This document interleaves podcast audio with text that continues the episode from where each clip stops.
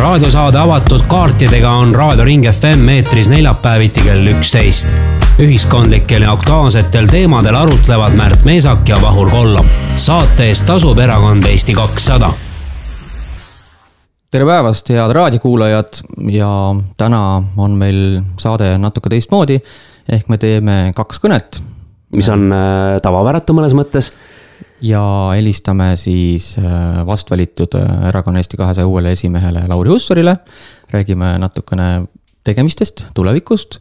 ja teise kõne teeme siis saate teises plokis, kus me helistame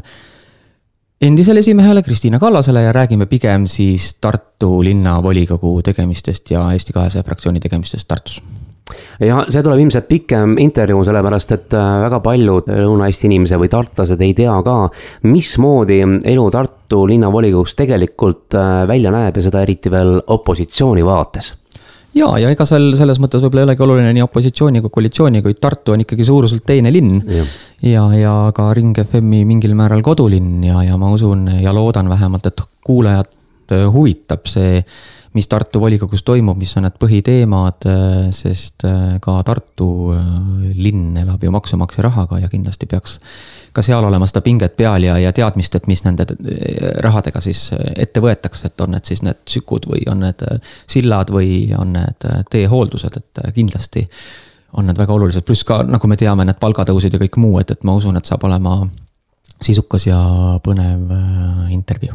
jah, ja loomulikult noh, hinnatõus on see, mis mõjutab absoluutselt kõikide valitsuste eelarveid ka Tartus on sellega tegelikult probleeme, ka Tartu linn võttis laenu, ka sellel teemal saame täpsemalt rääkida. ehk siis äh, keerulisel ajal võetakse laene, me oleme varem ka rääkinud saates, et äh, siis, kui oli see õige aeg äh, teha väga konkreetseid investeeringuid kasvõi laenu arvelt, siis see magati maha.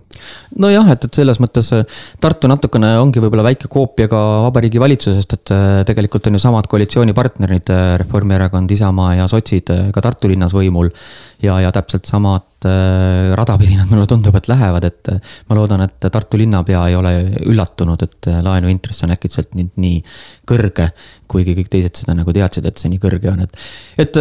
ma usun, et tasub jääda kindlasti Ring FM-i kanalile ja, ja need intervjuud ära kuulata, aga lähme nüüd väiksele pausile. eetris on saade avatud kaartidega. stuudios on Märt Meesak ja Vahur Kollom. saate eest tasub erakond Eesti kakssada ja nüüd oleme pausilt tagasi ja võtsime kõne vastvalitud erakonna Eesti kakssada uuele juhile Lauri Hussarile, tere Lauri tere päevast! Lauri, räägi nüüd, mm, kuidas selles mõttes tunne on, et, et sa oled nüüd saanud teatepulga üle ja vastutus on päris tõsine, et, et mis on sinu esimesed sellised tegevused äh, uue erakonna juhina? no kõige esimesed tegevused on loomulikult seotud sellega, et äh, kuidas erakonna uus juhatus äh, ja erakonna uus struktuur tööle panna, et, et meil on loomulikult märkimisväärne osa äh, juhatusest, äh, kes äh, valiti tagasi ja kellel on kogu see teadmine olemas, aga meil on ka uued liikmed. ja me peame nüüd selle meeskonna võimalikult kiiresti ja efektiivselt tööle panema, et, et see on kindlasti kõige esimene oluline asi, millega, millega me hakkame tegelema, aga siis loomulikult juba kõik teised tegevused ka, mis on seotud siis, siis valimisteks ettevalmistustega, kogu selle, kogu selle tööriistakasti ülevaatamisega, mis meil valimisteks ja valimiste õnnestumiseks äh, äh, on tarvis kasutusele võtta ja, ja, ja siis tuleb hakata juba tegutsema. nii et, et see on see, see on praegu see, millega me kohe juba täna tegeleme, aga millega me siis alates homsest veel eriti aktiivselt tegelema hakkame väga hea, meeskond on vaja, et sa tegelikult tegid ka toreda žesti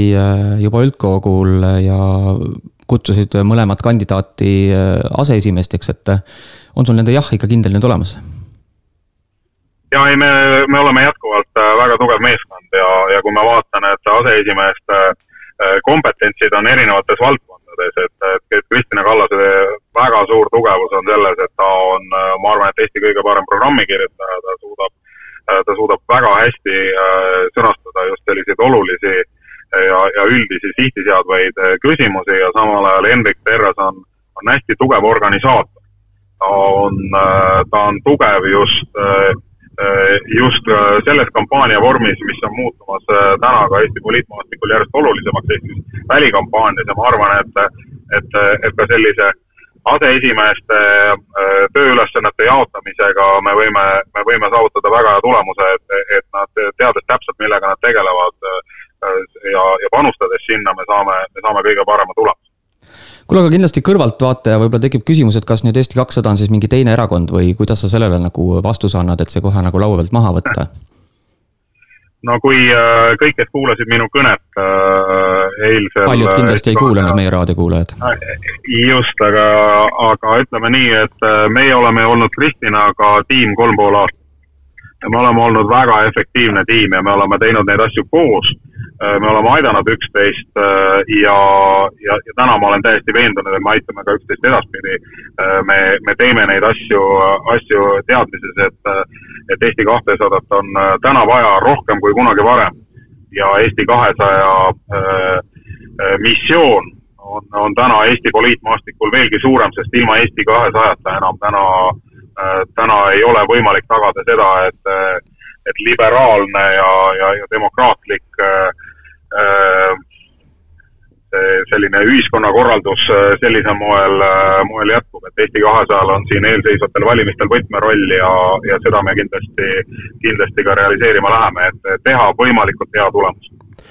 üldkoosolekul käis läbi ka, et äh, erakonnal ei ole võib-olla nii palju tugevaid ja selgeid sõnumeid. kas sa julged nüüd öelda seda ka, et hetke pärast äh, valija näeb ja kuuleb Eesti kahesaja poolt äh, väga palju selgeid, konkreetseid ja jõulisi sõnumeid? Eesti kahesajal on väga selged ja konkreetsed sõnumid. Eesti kakssada on minu hinnangul kirjutanud ka ühe kõige selgema programmi, mis Eesti erakonnal võib olla, me oleme ühele lehele mahutanud ära kogu oma hoiaku ja maailmavaate, mis algab uuendusmeelsusest äh, ja, ja liberaalsusest ja lõpeb eestimeelsusega. Eesti kakssada suudab, äh, suudab väga täpselt sõnastada kõik olulised, äh, olulised meie seisukohad ja, ja positsioonid ja suudab need ka, need ka välja öelda ja, ja ma rääkisin nendest ka e-, eelmise või, või eilsel üldkogul, et millised on ju meie, meie väga selged põhiseisukohad, me seisame väga selgelt liberaalse demokraatia kaitsel, me seisame Eesti julgeoleku eest, me seisame väga selgelt äh, hariduse ja haridusinvesteeringute eest, me seisame rohepöörde eest. Ja me seisame Eesti ettevõtjate, Eesti inimeste ja Eesti töökohtade eest. Ja, ja see on, see on see, äh, mille, millise agendaga me vastu läheme. kuidas me ühte või teist äh, teemat sõnastame, et see nüüd, äh, see nüüd ei ole veel päris, äh, päris selge. aga, aga see on see teemade kimp, millega me läheme valimistele ja, ja me teame väga täpselt, miks me seda teeme kuule, aga vaadates nüüd reitinguid ka, et, et vahepeal me olime seal toredalt kahekümne peal ja nende peale kindlasti puhkama ei tohi jääda, täna me korraks langesime, aga oleme jälle tõusuteel, et, et. mis on see sinu heas mõttes võluvits, et kuidas see reiting valimiste ajaks nüüd kõige paremasse vormi ajada? usutav poliitika. Usutav poliitika, äh, arusaadav poliitika, tugevad nimed, tugev meeskond. Äh, kõik see on äh, see, mis, mis toob ühel hetkel valijate usalduse. okei okay., aga ma saan sellest ka aru, et ma olin ise ju ka üldkoosolekul, et nüüd on vaja see tiim kõik tööle panna. sinul kui esimehel on see selles mõttes nagu, nagu sa ise ütlesid, et öö ja päeva enam vahet ei ole et kui palju sul on üldse plaanis nagu mööda Eestit ringi sõita ja inimestega kohtuda, kohalike inim-, erakonnaliikmetega kohtuda? no mina isiklikult äh, ei äh,, ei loo endale illusioone, et äh,, et esimehe amet on kerge, esimehe amet on raske. esimehe amet nõuab ka äh, väga palju inimestega suhtlemist, ringi sõitmist ja, ja kõike seda äh,, mis, mis liidab erakonda, et äh, et ma kindlasti äh, katsun, äh, katsun äh, võimalikult tihedalt olla kontaktis meie osakondade ja piirkondadega. Ma katsun võimalikult tihti ka koha peale tulla ja mis kõige olulisem, et, et ma tahan kaasata ka piirkonnad juhatuse töösse, ehk siis, et me, meil tekiks selline laiendatud juhatus, mis saaks siis operatiivselt äh, Äh, nii valimiseelsel perioodil kui ka valimisjärgsel perioodil äh, kõikide oluliste poliitikaküsimuste lahendamisega tegeleda aitäh, Lauri ja mul on küsimus sihuke lihtsam ka, et äh, nüüd esimeheks saades, kas on olnud mõni vaba hetk ka või ainult oled äh, saanud intervjuusid anda? no asi ei ole ainult intermoodus, asi on ka inimestega rääkimises ja, ja, ja ütleme nii, et täna on pühapäev, aga, aga, aga minu, minu tööpäev on juba kestnud äh, neli tundi. aga aitäh. Läheb tõenäoliselt samamoodi edasi aitäh, Lauri Hussar äh, intervjuu eest ja soovime sulle jõudu ja jaksu. kõike head. aitäh, head päeva. raadiosaade avatud kaartidega on Raadio Ring FM eetris neljapäeviti kell üksteist. ühiskondlikel ja aktuaalsetel teemadel arutlevad Märt Meesak ja Vahur Kollom oleme nüüd äh, väikeselt pausilt tagasi ja aeg on nüüd ka uueks intervjuuks. nimelt kohalike omavalitsuste valimistel, volikogu valimistel siis valiti Tartu linnavolikokku ka Eesti kakssada, mis sai volikogus kaheksa kohta ja mul on väga hea meel öelda tere Eesti kahesaja fraktsiooni juhile Kristina Kallasele. tere, tere aasta hakkab nüüd volikogus kenasti täis saama ja milline on olnud koalitsiooni ja opositsiooni koostöö volikogus? kas seda iseloomustab teerulli põhimõte või on siiski ka arukaid opositsiooni ettepanekuid arvesse võetud ja need on leidnud ka oma koha otsustes?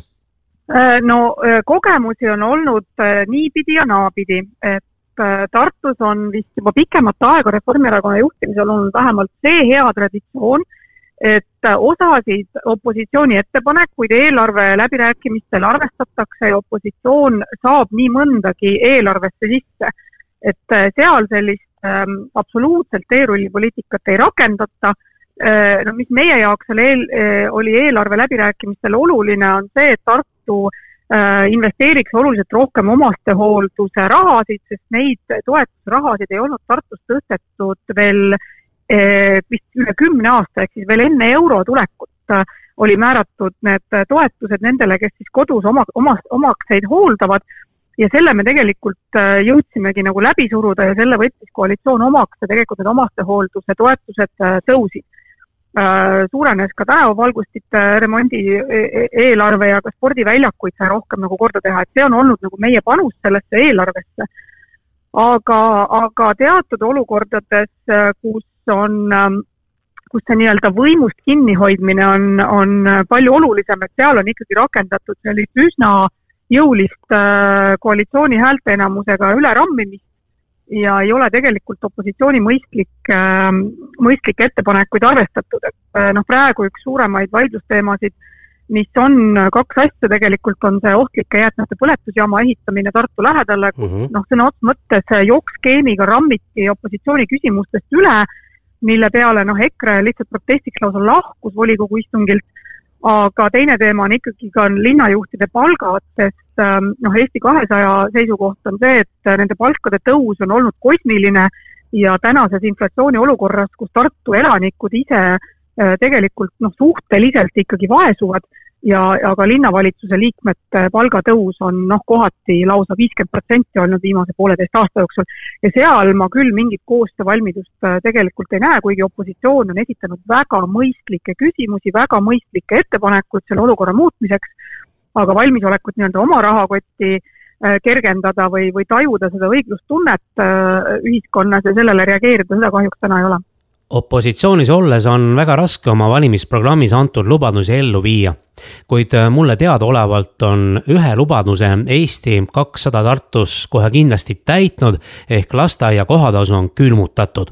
aga läheme nüüd veelgi detailsemaks, milliste teemade eest on Eesti kakssada Tartu linnavolikogus seisnud?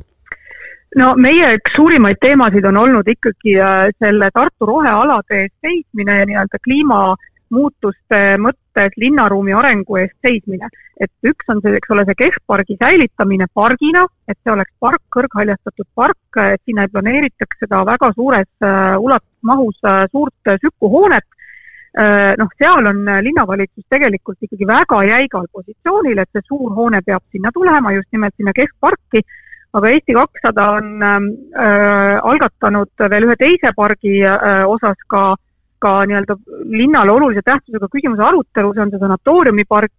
kus on samamoodi tegelikult ehitus sisse planeeritud ja ka seal äh, me seisame tegelikult selle vastu, sest sanatooriumipargi väärtus on äh, ka linnale nagu väga suur rohealana. Nii et see meie võitlus ähm, selliste Tartu kesklinna ja üldse linna rohealade säilimise eest on, on, on see, kus me oleme aktiivselt osalenud, me oleme eraldi istungi teinud,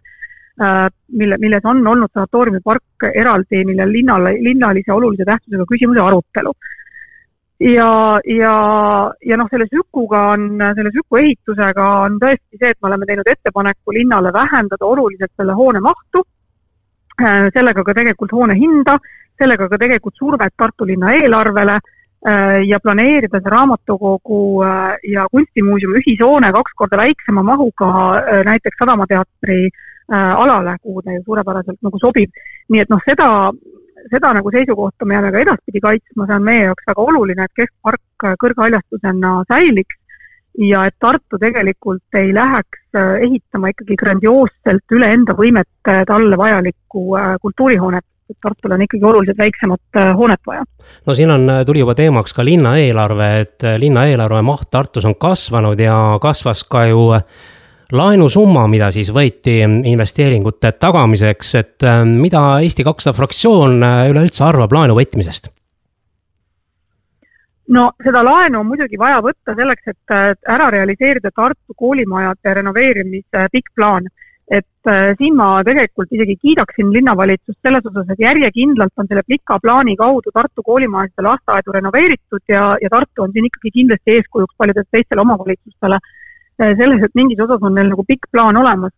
aga eelarve maht on äh, kasvanud, kasvanud on ka eelarve kulud, äh, noh, inflatsioon on neid kulusid nüüd sellel aastal ikkagi väga tõsiselt kasvatanud, aga ikkagi Tartu linnaeelarve kõige suurem väljakutse on põhikulude nii-öelda noh, kontrolli all hoidmine. Tartu linna järgmise aasta eelarve, ma arvan, et üks suuremaid ülesandeid on leida palgaraha tõus Äh, Tartu linna allasutuste töötajatele ja, ja näiteks kultuuriasutuste töötajad, on siis raamatukogud ja muuseumite töötajad, on, on saanud imeväikeseid palgatõuse ja tänaseks on äh, Tartu linna kultuuritöötajate palk äh, jääb Eesti keskmisele kultuuritöötaja palgale alla juba noh, ikka kuuesaja euro võrra, et meie inimesed saavad tuhat ükssada eurot palka, järgmine aasta äh, kõrgharidusega kultuuritöötajate palk riigiasutustes tõuseb tuhande kuuesajani. Ja kui Tartu nüüd ei suuda oma kultuuritöötajate palkasid hoida ikkagi võrdväärsel tasemel, siis juhtub see, mis aastaks kaks tuhat kakskümmend neli, kui Tartu saab kultuuripealinnaks, me ei taha, et juhtuks, inimesed jooksevad nendest asutustest äh, töölt ära. sest väga... palk on lihtsalt liiga madal ja, ja need on väga vajalikud kulutused, aga noh, siin võib esitada vaid ühe küsimuse selle laenu kohta, et äh, koolid kui sellised, et võib-olla oleks pidanud varem nägema pikemat plaani ja võtma siis madalama intressiga laenu juba varem? jah, äh, see on nüüd äh, tõenäoliselt meil kõigil see tarkus, et laenu, kui laenuraha on odav, siis tuleb tegelikult laenuraha oluliselt rohkem võtta. Tartu probleem oli pikka aega tegelikult see, et laenuraha maht oli ju, ju täis see, mida seadusega kohalikul omavalitsusel oli lubatud võtta, see laenumaht oli täis ja, ja laenuvõimekust ei olnud. aga noh, mina olen oluliselt kriitilisem äh, selles suhtes, et äh, Süku ehitus äh, võtab hinge kinni Tartu linna investeeringute eelarvelt järgmisteks kümneteks aastateks. et e- see on nii kallis ja see on nii suur objekt, et Süku ehitamise pärast ei saa äh, arendada ei Tartu linna muuseumeid, ei Tartu linna muid kultuuriasutusi, ei suudeta tegelikult ka palkasid tõsta puhtalt selle tõttu, et Süku kogu planeerimisprotsess juba iseenesest sööb nii suure osa rahast ära jah, eks ta nii ole.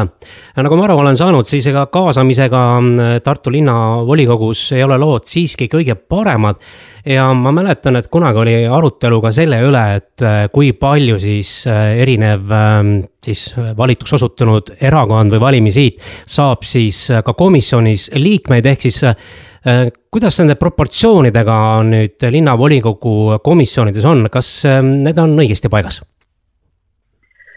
Kaasamisega on tõesti nagu lood halvad, et äh, opositsioon ei ole aasta jooksul kordagi kohtunud linnapeaga, ehk siis linnapeale tegelikult kordagi opositsioonile kohtumist ka pakkunud. Äh, opositsioon on kaks korda pöördunud linnapea poole äh, nii-öelda palvega arutada linnale olulisi asju, noh, seda palvet ei ole kuulda võetud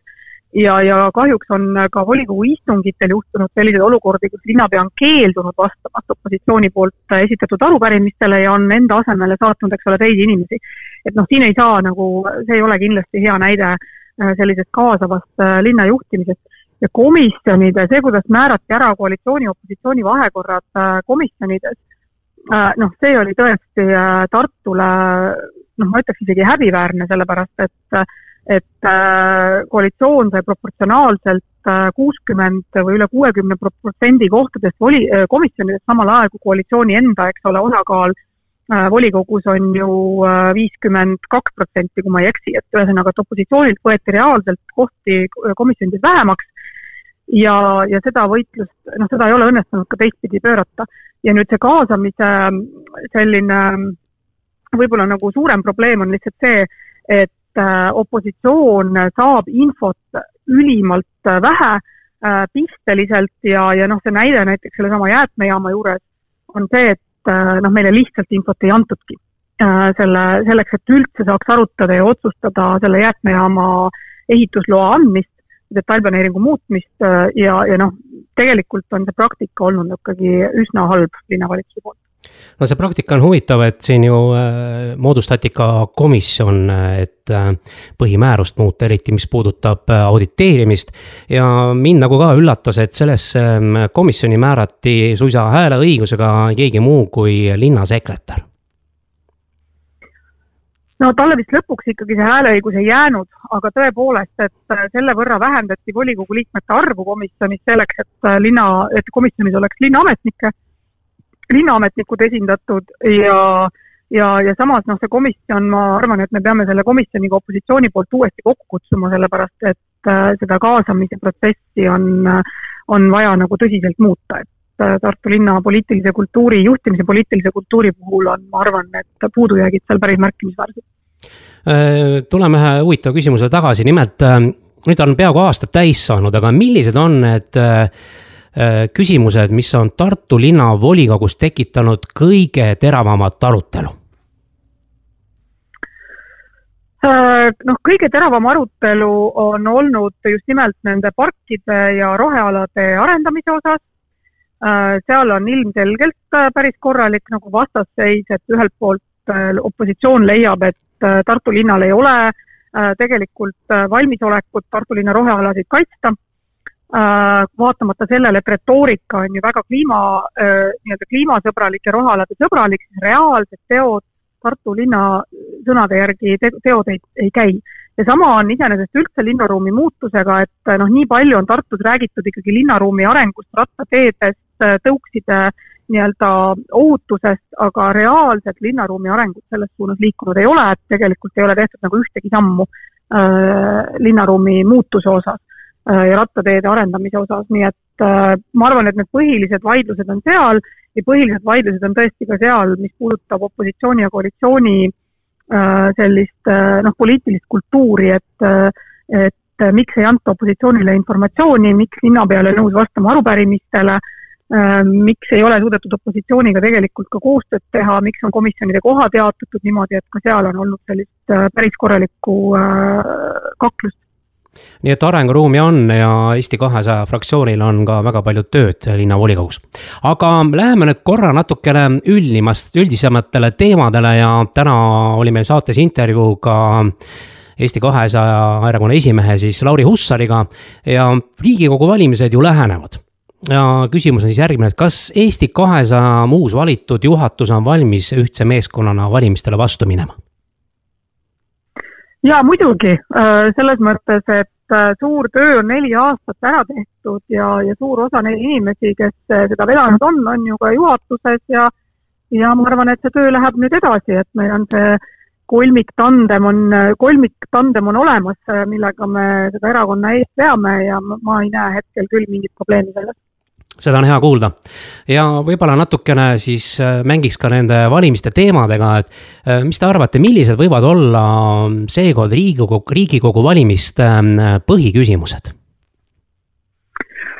põhiküsimus on Eesti majanduse konkurentsivõime hinnatõus ja, ja Eesti energeetika, odava energeetika, elektrienergia kättesaamine, kättesaadavus, et need on need kriisid, mis meil täna ees seisavad kas me valitsus, kas meie valitsus on suutnud piisavalt äh, targalt ja hästi juhitavalt tegutseda selleks, et me saaksime elektri hinnad kontrolli alla kas meie valitsus on piisanud, suutnud tegelikult käituda selleks, et me saaksime hinnatõusu kontrolli alla ehk inflatsiooni kontrolli alla, mis ju täna inimesi väga valusalt lööb ja, ja mis ikkagi on nagu see, kuhu poole see Eesti nagu liikuma peab, et kuidas me oma majanduse konkurentsivõimet tõstame, kuidas me seda heaolu kasvatame, kuidas me ikkagi tegelikult rikkamaks saame. Et äh, ma arvan, et need on nagu need, äh, need põhiteemad, muidugi selle taustal on ka Ukraina sõda ja Eesti riigi julgeoleku küsimused, kuid seal mm -hmm. ei ole ju tegelikult erakondadel äh, ju suurt konflikti, konflikt on ikkagi selles, et mis on Eesti tulevikuvisioon kuhu poole Eesti liigub milline on energeetikapoliitika, majanduspoliitika, milline on hariduspoliitika, tervishoiupoliitika, et ma arvan, et seal on need, need arutelukohad loodame, et see nii läheb ka, et, et mõeldakse ka sellele samale äh, pikemale plaanile ja ongi mõnevõrra mhm. üllatav, et.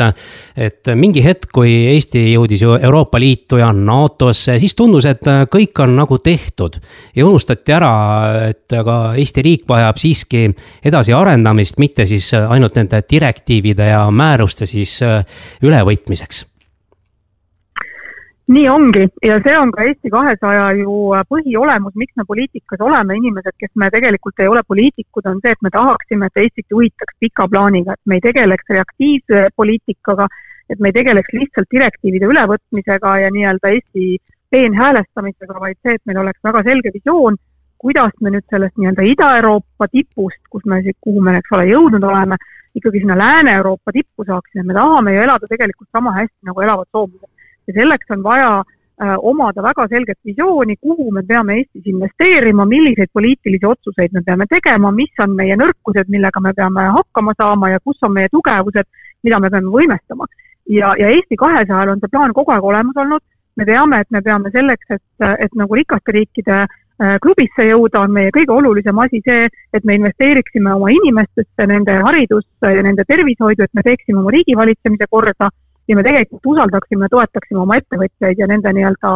ettevõtluskeskkonda. aga selle asemel on, eks ole, viimased neli aastat, noh, me Riigikogus oleme näinud, on käinud üks laperdamine, küll me läheme laskume riigikapitalismi, siis me ei suuda riigireformi läbi viia, siis me ei suuda tegelikult pandeemias korralikult riiki juhtida ja noh, nüüd tuli lõpuks ka see julgeolekukriis otsa, kus meie kogu energia tähelepanu on läinud selle energiakriisiga võitlemiseks, kus me tegelikult oleme täna kaotajad, me oleme rahaliselt äh, vaesemaks muutumas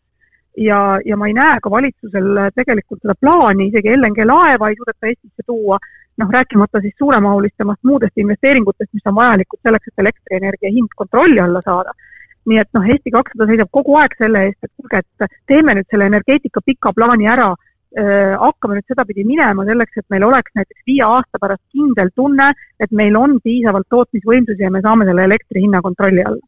no ma olen, võin tunduda mingis mõttes nagu idealist, aga mulle meeldiks see, kui äh, erakonnad äh, kõik omavahel äh, lepiksid kokku mingites konkreetsetes küsimustes erakondade üleselt ja teeks need asjad ka ära. jah, sa oled natuke idealist, et, et selles mõttes, et kokku leppida haridusinvesteeringutes ja haridusvaldkonna reformides on võib olla võimalik, kuigi ka seal me ju näeme nagu eh, juba erakondade vahel nagu erinevusi. Eh, noh, näeme erinevusi selles, et kas maakoolid peaksid olemas olema, mis teha vene koolidega, et kõik need erinevused on ju olemas, et seal on vaja, et seal, seal pigem otsitakse nagu konflikti ja vastandumist. ja noh, rääkimata vastandumist, eks ole, energiaküsimuses, sellepärast et siin on väga, väga jõuline vastandumine, et on ühed erakonnad, kes ütlevad, et me peame tagasi minema sellesse kümne, kümne-viieteist aastase tagusesse aega, kus me põlevkiviga kütsime ja olime autarksed ja ainult endale tootsime ja teistest absoluutselt ei sõltunud ja see ongi meie lahendus. ja siis on need erakonnad, kes ütlevad, et lahendus on tegelikult homses tehnoloogias ja ja, ja selles äh, nii-öelda rohelises taastuvas elektrienergias, mis on kordi ja kordi odavam, kui on põlevkivienergia. ja, ja seal see konflikti koht on ja ma arvan, et seal on erakondadel ikkagi raske tegelikult ühisele seisukohale jõuda, sest see konflikt on paraku see, mis mis poliitikas äh, äh, nii-öelda noh, kuidas ma ütlen, et edu toob erakondadele. ja nagu näha, noh, Keskera-, või vabandust, Reformierakonna ja EKRE vastandumine, vastastikune vastandumine on nüüd see mäng, mida me siis kõik jälgima hakkame, sellepärast et nad, sellest mängust võidavad nemad kaks kõige rohkem ja populismi tuleb kui, äh, kui palju. aga noh, eks see idealism peab kõigil meil olemas olema natukenegi ja eks äh, võib-olla riik vajab ka varsti pikemat äh, arutelu ühiskondliku kokkuleppe küsimuses, et riigireform on kindlasti üks asi, millega peaks nagu varsti tegelema hakkama või miks mitte öelda, et juba võikski olnud tegeletud, et tegelikult need analüüsid ja sisu on teada, mida muuta on vaja, kuid pole tänases, tänastel poliitikutel vähemalt olnud seda jõudu neid otsuseid täide viia. äh, riigireformi äh, kava reaalsete tegevussammudega on olemas juba aastast kaks tuhat kaheksateist kaks tuhat üheksateist allkirjastasid kõik ka täna Riigikogus olevad erakonnad kokkuleppe, et nad hakkavad riigireformiga tegelema. mitte ühtegi asja ei ole tegelikult selle nelja aasta jooksul ära tehtud. ja see, ja see probleem on äh, tegelikult selles, et riigireform on selline äh, noh, nii-öelda telgitagustes toimuv higi, higistama ajav äh, suur töö mis valijale ju otsekohe kätte ei paista ja järelikult need poliitikud, kes on karjääripoliitikud, kellel on vaja järgmistel valimistel uuesti iga hinna eest tagasi valitud saada, ega nemad ei hakka selle riigireformiga tegelema, sellepärast et noh, valija ju täpselt ei tea, et mis see riigireform seal oli ja mida tehti ja sellepärast on meil vaja tegelikult selliseid riigimehi äh, või rohkem nii-öelda idealistliku missioonitundega inimesi parlamenti, kes ei ole seal mitte sellepärast, et järgmine kord iga hinna eest valit-, tagasi valituks saada, vaid selleks, et seal tegelikult ära teha need reformid, mis juba ammu öö, on vaja Eesti riigis ära teha, selleks, et me saaksime tugevama riigina edasi minna, aga nendeks on vaja teistsuguseid inimesi täna poliitikasse ja seda teistsugust seesama Eesti kakssada ka pakub. Ja seda on hea kuulda, aga aitäh, Kristina Kallas, soovime sulle jõudu ja jaksu muutuste läbiviimiseks nii Tartu linnavolikogus kui ka riigi tasandil. aitäh raadiosaade avatud kaartidega on Raadio Ring FM eetris neljapäeviti kell üksteist. ühiskondlikel ja aktuaalsetel teemadel arutlevad Märt Meesak ja Vahur Kollom. saate eest tasub erakond Eesti kakssada ei olemegi väikeselt äh, pausilt tagasi, meie viimane osa saatest on käima läinud, ma loodan, et kuulajatel oli see päris põnev, sellepärast et äh, saite ülevaate, millised vaated on erakonnal Eesti kakssada nii valimistes kui ka äh, uuel esimehel. Ja samamoodi saite ülevaate sellest, mida Kristina Kallas rääkis Tartu linnast ja eelkõige Tartu linnavolikogu tegemistest jaa, eh, minul oli küll huvitav ja, ja ma arvan, et eh, kuulajal on eh, rohkem ja rohkem vaja nõudlikum olla oma volinike suhtes nii volikogudes kui ka riigikogus. ja, ja Eesti kakssada kindlasti juba praegu nii volikogudes kui ka siis järgmisel aasta märtsivalimiste järgselt seda kvaliteeti tõstab ja seda tagasisidet kindlasti plaanib rohkem ja rohkem jagada, sellepärast et oluline on ikkagi see, et see mandaat ei võetaks nagu lihtsalt valimiste eel suurte lubadustega ära ja siis ülejäänud neli aastat äh, need valijad ära unustatakse, et, et. Äh, mul on küll praegu sisemine usk olemas, et, et Eesti kakssada on just see, kes ainukesena seda suudab, et äh, natukene nagu populismi on ka alati vaja, aga populismi taga peab ka olema siis mingisugune programm ja, ja tegelikult ka tõsiseltvõetavad inimesed, et lihtsalt sellisest loosungist, et tehtagu või, või me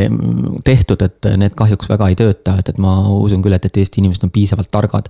ja, ja saavad aru, et, et kes nagu lihtsalt räägib ja, ja karjub ja kes nagu siis reaalselt läheb ja teeb ja, ja veel, veel pikemalt öeldes, et nii mõnedki on väga kaua teinud, aga ikkagi me oleme samas olukorras, kus me näeme siin ennast nendes kriisides Märt, ähm, sa rääkisid korra valimistest, et äh, kas sa mäletad äh, oma esimesi või teisi või kolmandaid äh, valimisi, kus sa läksid valima ja mis sa selleks tegid, et teha näiteks õige valik? ma mäletan enda esimesi valimisi küll, et huumoriga naljaga pooleks, ma olin väga noorena selline väga poliithuviline. et esimesed sellised minu jaoks teadlikumad valimised olid üheksakümne üheksanda aasta Riigikogu valimised, ma mäletan. Äh, ja, ja need olid nagu kuidagi nagu, nendest ma hakkasin aru saama, tegelikult olid ka natukene varem, üheksakümmend kuus vist olid, ma mäletan just. seal oli kuskil mingi teema oli veel sellest, et kommunistlikust parteist oli saanud mingisugune õigusjärglane ja siis väljas vist isegi kandideeris seal viimast korda. Et mulle see kõik nagu kuidagi on nagu meeles ma tunnistan ausalt, et üheksakümne üheksanda aasta valikut ma nii otseselt ei mäleta, aga ma arvan, et ma tean, kelle poolt ma valisin, aga ma seda ei ütle. Äh, aga edasised valimised on rohkem meeles, sellepärast et siis ma hakkasin ise kandideerima ja, ja et, et minu esimene kandideerimine oli ikkagi Konguta vallavolikokku aastal kaks tuhat kaks kohalikel wow. valimistel ja ja, ja seda ma mäletan ikka väga hästi, kuidas seal läks, et, et mul läks tegelikult päris hästi, ma sain kas vallas äkki kolmanda või neljanda tulemuse, ma küll kahjuks sisse ei saanud, sest meil oli väike nimekiri. aga sealt edasi läks juba aina tõusas joones, nii et, et aastal kaks tuhat viis oli äkki või, kuidas ma, ma mõtlen, et need aastad täpselt ei mäleta, aga ma olen isegi Kongutas saanud vallavanemalt järgmise tulemuse mingitel valimistel no sind kuulates äh, jääb mulle endale mulje, et mina olen äh, täielik noor poliitik sinu kõrval. aga äh, miks ma rääkisin nendest valimistest ja äh, otsuste tegemisest, ma mäletan, et mingil hetkel noh, minu see poliitiline huvi oli ka päris kõrge ja mäletan, mingitel valimiste eel olin mina vähemalt üks selline inimene, kes võttis kätte ja luges enne valimisi läbi äh,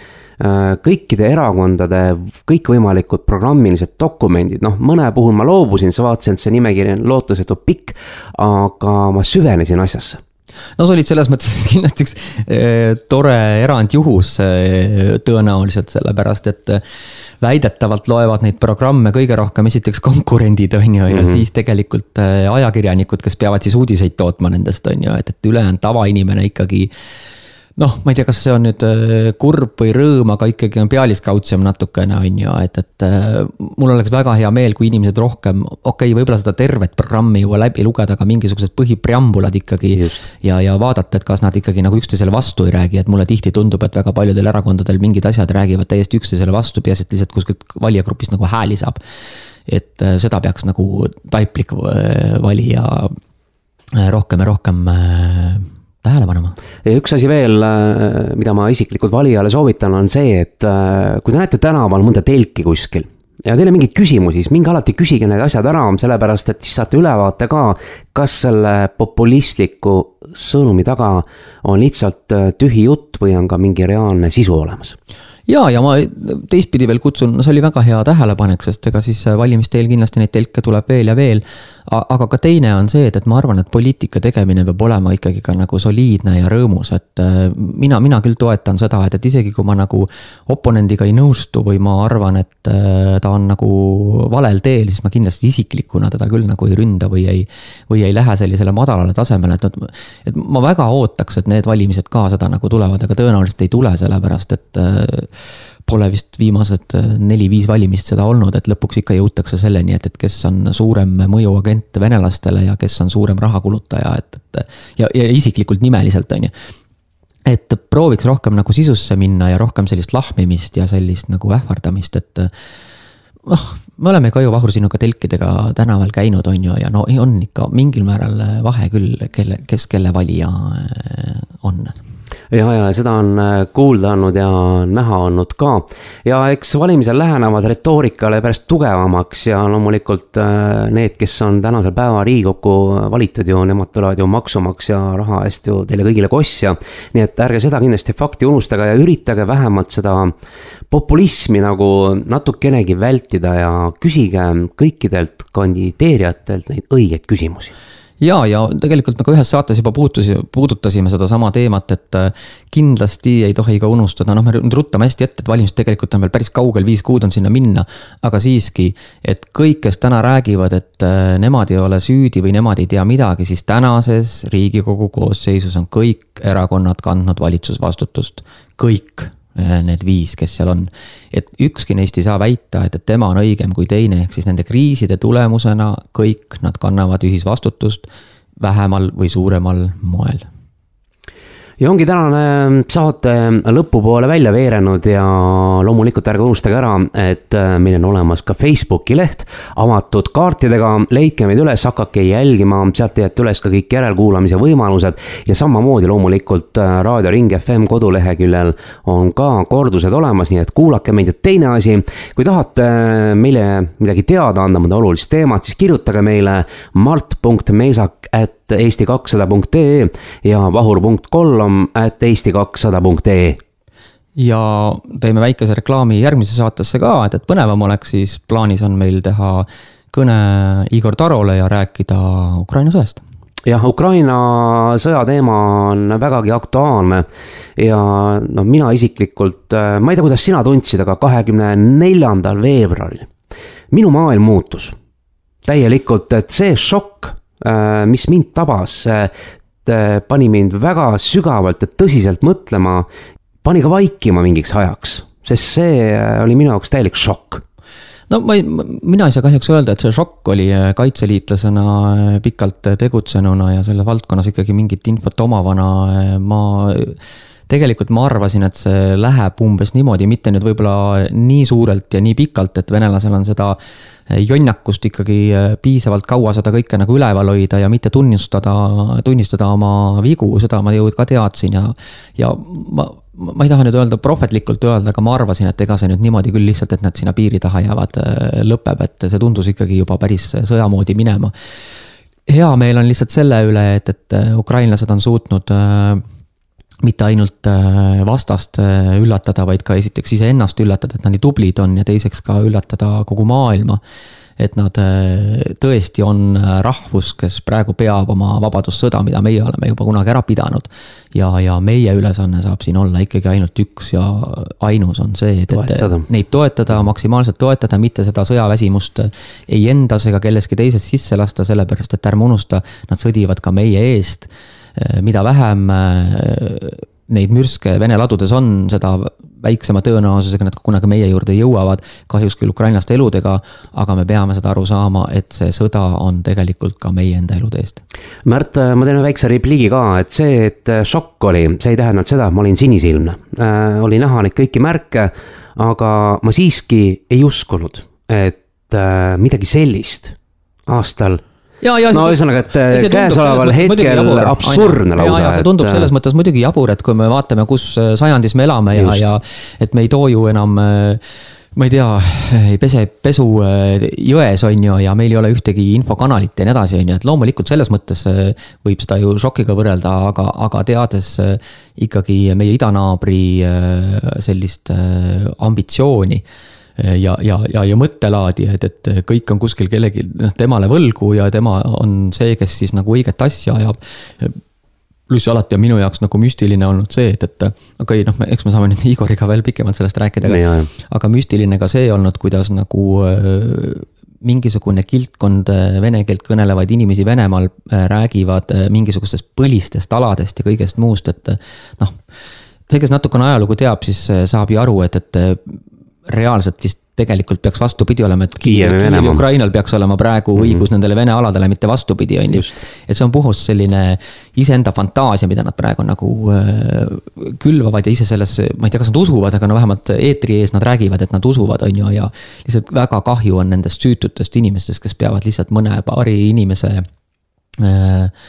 lollusele oma elu andma või siis kodu kaotama või, või vägistatud saama või lapsest ilma jääma, et, et see on, see on, see on kurb. see on, see on genotsiid, see on puhas terror, mis toimub ja järgmises saates me räägime sellest lähemalt, mis siis reaalselt äh, Ukraina pinnal toimumas on jah, aga teile, kuulajad, igal juhul toredat positiivset äh, nädalat, äh, nädalavahetust ja, ja leidke ikkagi päevades pigem seda rõõmu ja päikest äh, kui negatiivset, sest seda on niigi ümberringi. jah, neljapäevani. kõike head raadiosaade avatud kaartidega on Raadio Ring FM eetris neljapäeviti kell üksteist. ühiskondlikel ja aktuaalsetel teemadel arutlevad Märt Meesak ja Vahur Kollam. saate eest tasub erakond Eesti kakssada